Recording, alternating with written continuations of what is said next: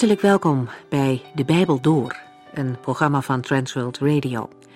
De Bijbel Door is een radioserie die u in vijf jaar meeneemt door de hele Bijbel. Van Genesis 1 tot Openbaring 22.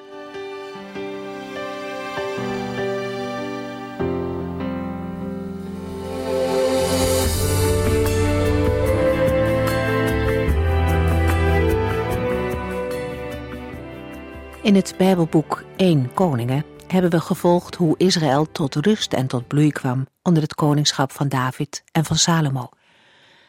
Maar bij het ouder worden richtte Salomo zich steeds meer op het verzamelen van rijkdom. De Heere had in de wet vastgelegd dat een koning niet te veel paarden moest verzamelen, niet te veel goud en zilver en niet te veel vrouwen. Dat zou het hart van de koning namelijk losmaken van de Heere God. En toch, Salomo trapte in deze valkuil. Hij bleef de Heere niet meer met zijn hele hart trouw. Hij had veel buitenlandse vrouwen. En die leerden hem niet de Heere beter kennen, maar namen Salomo mee in hun afgodendienst. Dat had gevolgen. God accepteert het niet als zijn volk hem wil delen met andere goden. De keuze voor de Heere God brengt commitment met zich mee. Zoals Hij trouw is aan ons, verwacht hij ook trouw van ons. En daarom zal het koninkrijk niet langer in de familie van Salomo blijven, het zal in tweeën scheuren. De Heere verzacht het oordeel over Salomo op twee manieren, omwille van David. Ten eerste zal het oordeel zich pas voltrekken onder de regering van Salomo's zoon.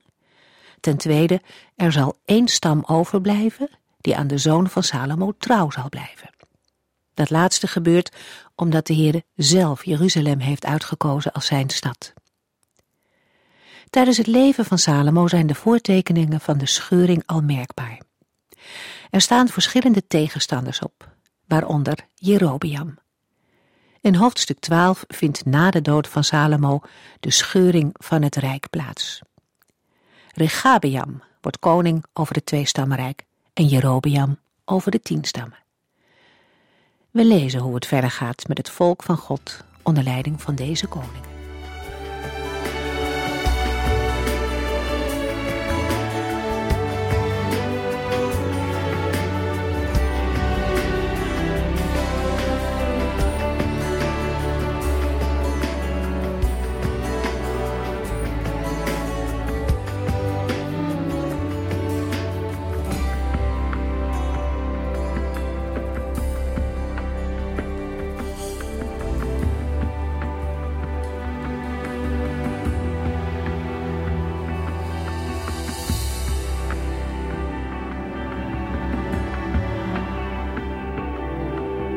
Terwijl in het noordelijke Bethel Jerobiam zich gereed maakt om te offeren, nadert er een man van God uit het gebied van Juda.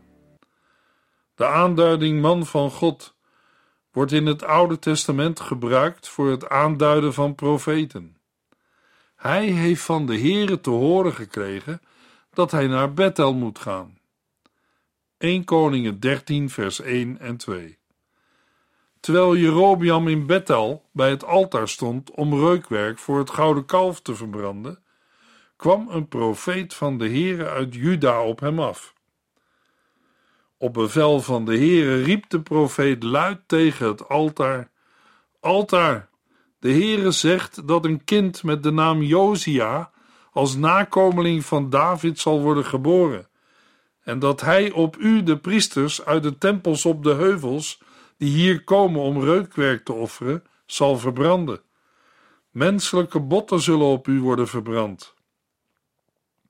De profeet uit Juda, waarvan we de naam niet weten, verschijnt op het ogenblik dat Jerobiam op het punt staat te offeren.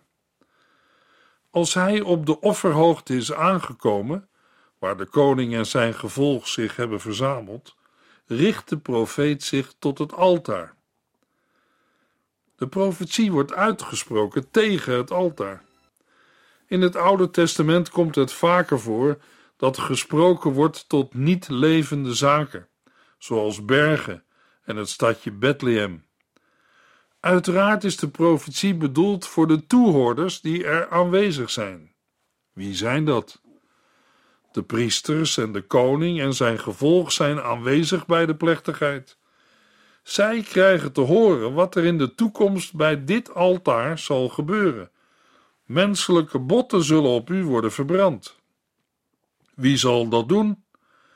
Josia, een nakomeling van David. Uit het huis van David en daarmee uit de stam van Juda zal een zoon worden geboren met de naam Josia. Uit de compositie van het Bijbelboek Koningen blijkt dat de auteur een letterlijke voorzegging van de naam van de koning bedoelt, en daarom noemt hij in 2 Koningen 23 ook de vervulling van de profetie. We staan even stil bij 2 Koningen 23, omdat het goed is te weten wat er gebeurde toen koning Josia regeerde. Zijn tijd is bijna 300 jaar later. Maar de profeet haalt zijn geschiedenis nu, in 1 Koningen 13, al naar voren. Josia is een goede koning geweest en regeerde 33 jaar. Hij leidde en voerde een van de vijf grote reformaties door die plaatsvonden tijdens de periode van de koningen. We zullen meer over deze hervormingen gaan lezen bij de bespreking van het Bijbelboek Kronieken. In 2 Koningen 23 lezen we dat Josia het boek van het verbond, dat in de tempel was gevonden, laat voorlezen aan het volk. Daarna beloofde de koning samen met het aanwezige volk dat zij de Heere met hart en ziel zullen gehoorzamen en doen wat in het boek is bevolen. Daarna geeft de koning opdracht om alle voorwerpen in de tempel te vernietigen die iets te maken hebben met de verering van afgoden.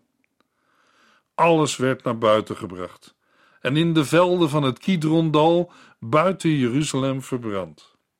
De as liet Josia naar Bethel brengen. De valse priesters werden door hem afgezet en alle afgodsbeelden werden verwijderd. Josia verwijderde ook de bordelen rond de tempel en haalde de priesters van de Here terug naar Jeruzalem. Josia verwoestte alle altaren op de heuvels of hoogten en haalde de standbeelden bij de tempel weg die aan de zon waren gewijd. Josia verwoestte ook het altaar en de offerheuvel in Bethel, die Jerobeam de eerste had gemaakt toen hij Israël zijn zondige voorbeeld gaf. Terwijl hij rondkeek, zag Josia diverse graven in de berghelling. Hij beval zijn mannen de beenderen eruit te halen en ze te verbranden op het altaar in Bethel, zodat het werd verontreinigd. Dat was precies wat de profeet van de Heere had gezegd. Dat zou gebeuren met het altaar van Jerobiam. De profetie van de profeet uit 1 Koningen 13 is uitgekomen. Wat de Heere zegt, gebeurt altijd. Het lijkt erop dat Jerobiam zich niet stoort aan de profetie en verder gaat met offeren. Maar de profeet voorzegt voor dezelfde dag een wonder om te bewijzen dat het de Heere is die heeft gesproken. Het wonder van het scheuren van het altaar in Bethel bevestigt en bekrachtigt de profetie over de verwoesting van de afgodendienst. 1 Koningen 13 vers 3 en 4 Daarna verrichtte de profeet het volgende wonder, als bewijs dat zijn boodschap van de Heere afkomstig was. Dit altaar zal in twee stukken splijten, en de as die erop ligt zal op de grond vallen. De koning werd woedend op de profeet omdat hij dit had gezegd. Hij schreeuwde naar zijn wachters: Grijp die man! En hij balde woedend zijn vuist naar hem. Op datzelfde moment verstijfde zijn arm, zodat hij hem niet meer kon terugtrekken. De profeet uit Juda wordt door de Heer beschermd. Op hetzelfde moment scheurt het altaar en valt de as van het verbrande vlees op de grond. Precies zoals de profeet had aangekondigd. 1 Koningen 13 vers 5 tot en met 10 Tegelijkertijd verscheen er een scheur in het altaar en viel alle as eraf, precies zoals de profeet had gezegd. Dit was namelijk het bewijs van de profeet dat God door hem had gesproken. O, alstublieft, riep de koning de profeet toe, smeek de Heer uw God toch of hij mijn arm weer normaal wil maken. De profeet bad tot de Heere, waarop de arm van de koning zich weer ontspande. De koning zei tegen de profeet: Kom met mij mee naar het paleis om uit te rusten en iets te eten. Ik wil u graag belonen. Maar de profeet antwoordde: Ook al gaf u mij uw halve paleis, dan nog zou ik er niet naar binnen gaan. Ik zou hier zelfs nog geen brood eten of water drinken. Want de Heer heeft mij verboden ook maar iets te eten of te drinken, zolang ik hier ben, en mij gezegd niet naar Juda terug te keren over dezelfde weg waarlangs ik ben gekomen. Dus ging hij langs een andere weg terug. De koning vraagt of de profeet voor hem wil bidden, opdat zijn hand weer zal genezen. Het is een vernedering voor Jerobiam. Nu is hij afhankelijk van de man die hij wilde laten grijpen. Desondanks bad de profeet tot de Heere. Het gebed wordt verhoord en Jerobiam genezen. Daarop nodigt de koning hem uit. Hij is welkom in het paleis. Bovendien wil Jerobiam hem belonen. Maar de profeet weigert. Hij geeft aan dat hij zeker niet van plan is ook maar één hap brood te eten of een druppel te drinken in Bethel. Immers, zo heeft de Heer het hem gezegd. Hij mag niets eten, niets drinken en ook niet langs dezelfde weg terugkeren naar Juda. De houding van de profeet uit Juda moet in alle opzichten een houding van protest zijn. Niet alleen door zijn profetie, maar ook door zijn gedrag. Nadat hij alles heeft gezegd, begint hij aan de terugreis langs een andere weg. 1 Koningen 13, vers 11 tot en met 19. Nu wilde het geval dat in Bethel een oude profeet woonde. Zijn zonen kwamen thuis en vertelden in geuren en kleuren wat de profeet uit Juda had gedaan en wat hij tegen de koning had gezegd. Waar is hij naartoe gegaan? wilde de oude profeet weten. Zij vertelde het hem. Snel, zadel de ezel, zei de oude man. En toen ze dat hadden gedaan, reed hij de profeet achterna en vond hem zittend onder een eik. Bent u de profeet uit Juda? vroeg hij hem. Ja, dat ben ik inderdaad, antwoordde deze. De oude man zei tegen hem: Kom met mij mee naar huis om wat te eten. Maar de profeet weigerde dat. Dat kan ik niet doen, zei hij, want het is mij niet toegestaan ook maar iets te eten of te drinken in Bethel.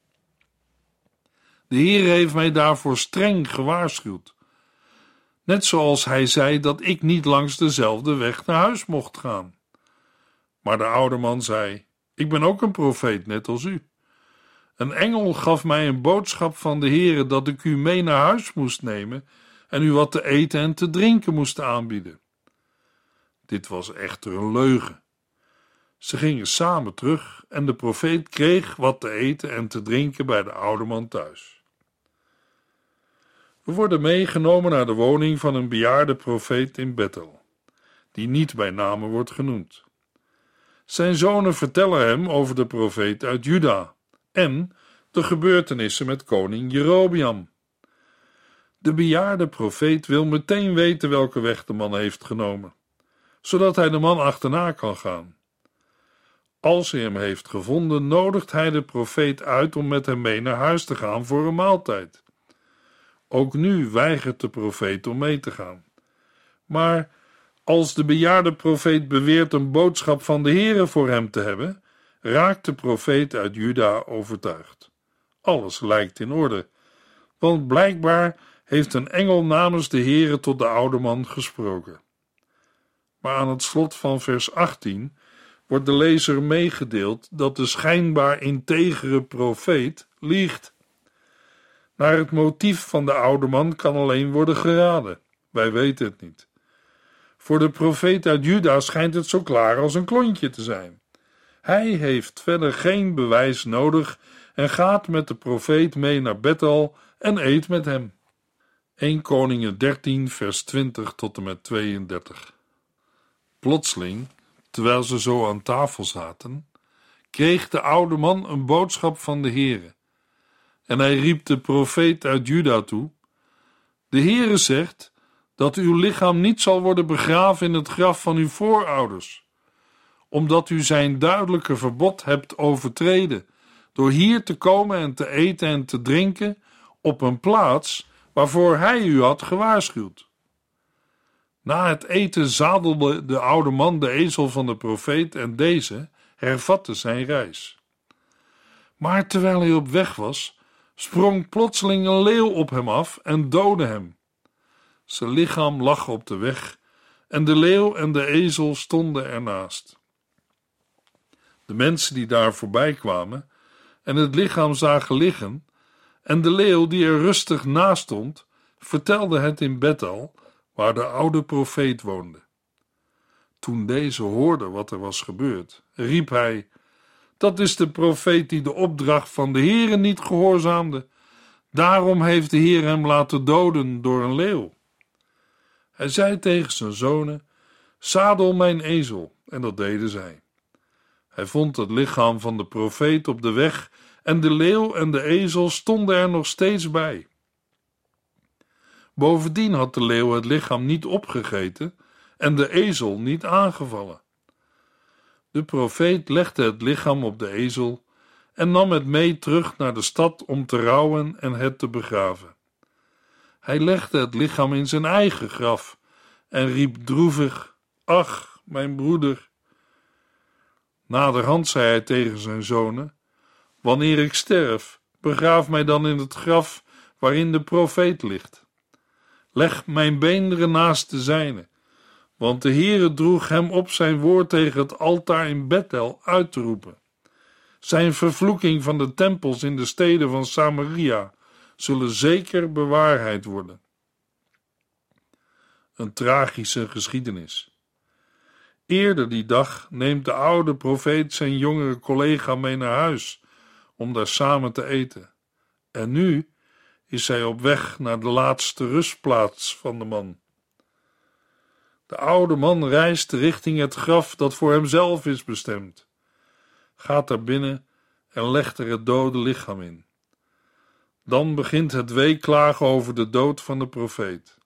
De oude profeet rouwt over zijn broeder en roept: Ach, mijn broeder! Na de begrafenis richt de oude profeet het woord tot zijn zonen. Hij laat hen weten dat hij zelf, als zijn tijd gekomen is, ook begraven wil worden in het graf waarin nu de profeet ligt. Het is zijn wens om te delen in de laatste rustplaats van de profeet uit Juda. Hij is zich terdege ervan bewust dat de uitgesproken profetie van de man over het altaar tot vervulling zal komen net als de voorzegging over de heiligdommen in de steden van Samaria. Immers dat daar beenderen verbrand zullen worden, veronderstelt grafschennis.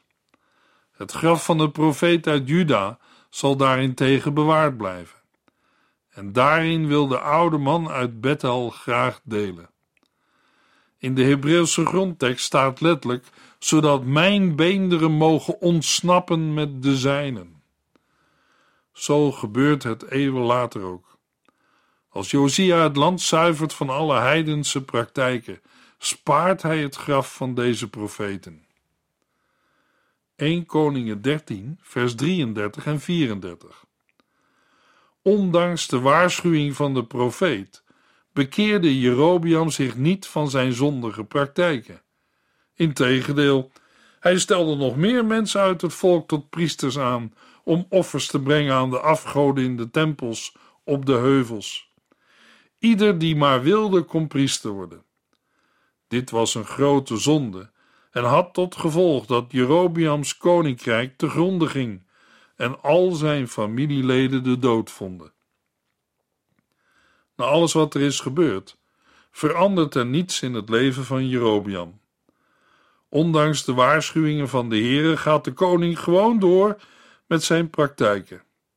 Iedereen kan aangesteld worden tot priester, terwijl het priesterschap voorbehouden is aan de nakomelingen van Aaron. Jerobiams volharden in afgoderij leidt ertoe dat zijn dynastie wordt weggevaagd. Jerobiam heeft de keuze gehad de weg van de Here te gaan en hem te gehoorzamen. Ook u, luisteraar, staat voor de keuze om de weg van de Here te gaan en hem te gehoorzamen. Wat gaat u doen? De boodschap van de profeet uit Juda moest worden gedemonstreerd door een volharden in gehoorzaamheid. Heel duidelijk is hem door de Heere verboden ook maar iets te eten of te drinken en niet in Bethel te blijven, maar langs een andere weg terug te gaan naar Juda. Hoewel de openbaring van de oude profeet uit Bethel echt leek, was die het niet. De profeet uit Juda had de profetie van de oude man moeten toetsen, maar dat heeft hij nagelaten. De toetsing van profeten en hun profetie komt naar voren in Deuteronomium 18, Jeremia 23 en 1 Corinthiërs 14. En daarbij een ontvangen openbaring is van kracht, totdat de nieuwe openbaring aan de profeet zelf wordt gegeven. Ondanks de tragiek in deze gebeurtenis is het duidelijk dat de oorspronkelijke profetie van de Heere zelf was. Dat was aan het begin al duidelijk bij de arm van Jerobiam. De geschiedenis laat ook zien dat ongehoorzaamheid aan de Heere oordeel en straf over een mens brengt. Is er dan nog hoop voor een zondig mens? In 1 Johannes 1 vers 9 lezen we: Maar als wij onze zonden bekennen, is God zo trouw en rechtvaardig ons die te vergeven dan reinigt Hij ons van alles wat we verkeerd hebben gedaan. En verder in 1 Johannes 2, vers 1 en 2. Maar als iemand zondigt, hebben wij een rechtvaardige advocaat die ons verdedigt bij de Vader, Jezus Christus. Hij nam de straf voor onze zonde op zich en verzoende ons zo met God. Hij is het offer voor onze zonden en niet alleen voor de onze, maar ook voor die van de hele wereld. 1 Koningen 14 vers 1 en 2 Jerobiams zoon Abia werd op een gegeven moment erg ziek. Jerobiam droeg zijn vrouw op, vermom je, zodat niemand je herkent als de koningin en ga naar de profeet Agia in Silo. Dat is de man die mij vertelde dat ik koning zou worden. Niet lang na de gebeurtenissen rondom Bethel wordt Abia, de zoon van Jerobiam, ziek. De koning laat zijn vrouw komen en zegt dat zij zich klaar moet maken voor een bezoek aan de profeet Agia die in Silo woont. Silo ligt in Ephraim ten noordoosten van Bethel. Het moet in het geheim gebeuren en niemand mag haar herkennen als de koningin. Als geschenk voor Agia moet de vrouw tien broden, rozijnenkoeken en een pot honing meenemen. Door ouderdom kan de profeet niet meer zien, maar de Heere heeft Agia op de hoogte gesteld. Jerobiams vrouw zal in vermomming langskomen om een uitspraak over haar zieke zoon te vragen. Ook de woorden die Agia moet spreken, maakt de Heer hem bekend. In 1 Koningen 14 vers 7 en 8 zegt Agia tegen haar: ik heb droevig nieuws voor u. Geef uw man deze boodschap door van de Heere, de God van Israël. Ik bevorderde u vanuit de rangen van het gewone volk en maakte u koning over Israël. Ik rukte het koninkrijk uit de handen van Davids familie en gaf het aan u. Maar u hebt mijn geboden niet gehoorzaamd, zoals mijn dienaar David dat wel deed. Hij verlangde er altijd naar mij te gehoorzamen en precies te doen wat ik van hem verlangde. David is het voorbeeld voor de koningen van het tien en twee stammenrijk. Ook Jerobiam kan de toets niet doorstaan en de Heere zal hem wegvagen. Zijn zoon Abia is gestorven en in 1 Koningen 14 vers 19 en 20 lezen we over Jerobiam de rest van Jerobiams activiteiten, zijn oorlogen en zijn andere regeringsdaden, staan beschreven in de kronieken van de koningen van Israël. Jerobiam regeerde 22 jaar en na zijn dood volgde zijn zoon Nadab hem op als koning. 1 Koningen 14 vers 21 Ondertussen regeerde Salomo's zoon Regabiam als koning over Juda.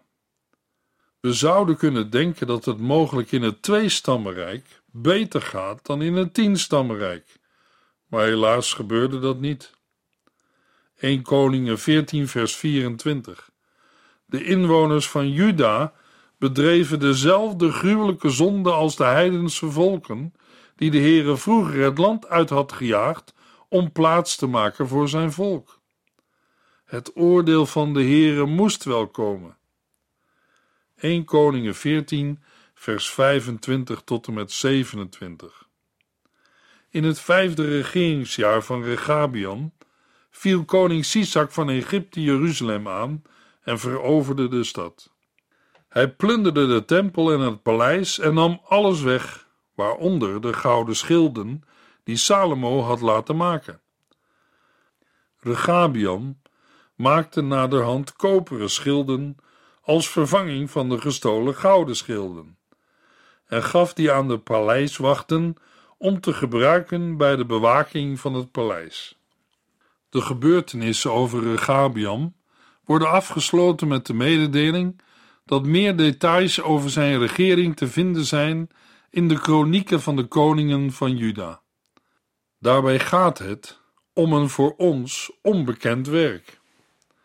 Het moeten kronieken zijn geweest waartoe de auteur van het Bijbelboek Koningen toegang heeft gehad en onderscheiden moet worden van de Bijbelboeken kronieken die wij kennen. In vers 30 wordt nog benadrukt dat er voortdurend oorlog heerste tussen Regabiam en Jerobiam. 1 Koningen 14 vers 31 Toen Regabiam stierf, werd hij begraven bij zijn voorouders in Jeruzalem. Zijn zoon Abiam volgde hem op.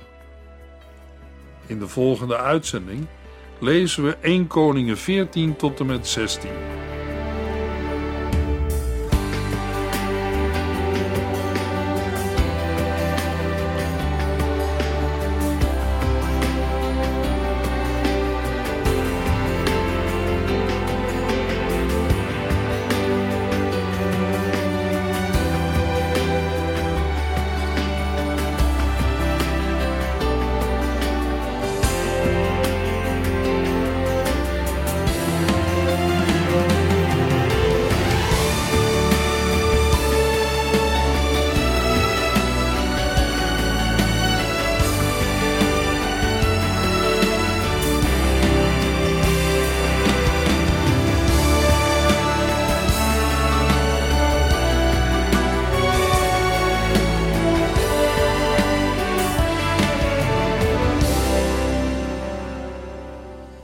Geluisterd naar De Bijbel Door.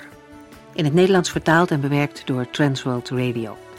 Een programma waarin we in vijf jaar tijd de hele Bijbel doorgaan. Als u wilt reageren op deze uitzending of u heeft vragen, dan kunt u contact met ons opnemen. Tijdens kantooruren kunt u bellen op 0342 47 8432. 0342 47 8432. 32. Ook kunt u een e-mail sturen naar de Bijbel door transworldradio.nl en natuurlijk kunt u ook via de post ons bereiken. TWR, postbus 371, postcode 3770, AJ in Barneveld. Dit programma werd gepresenteerd door Cor Weda en Ike André. Techniek was in handen van Odin van Woerdekom. En wij allemaal bedanken u voor het luisteren. Graag tot de volgende keer.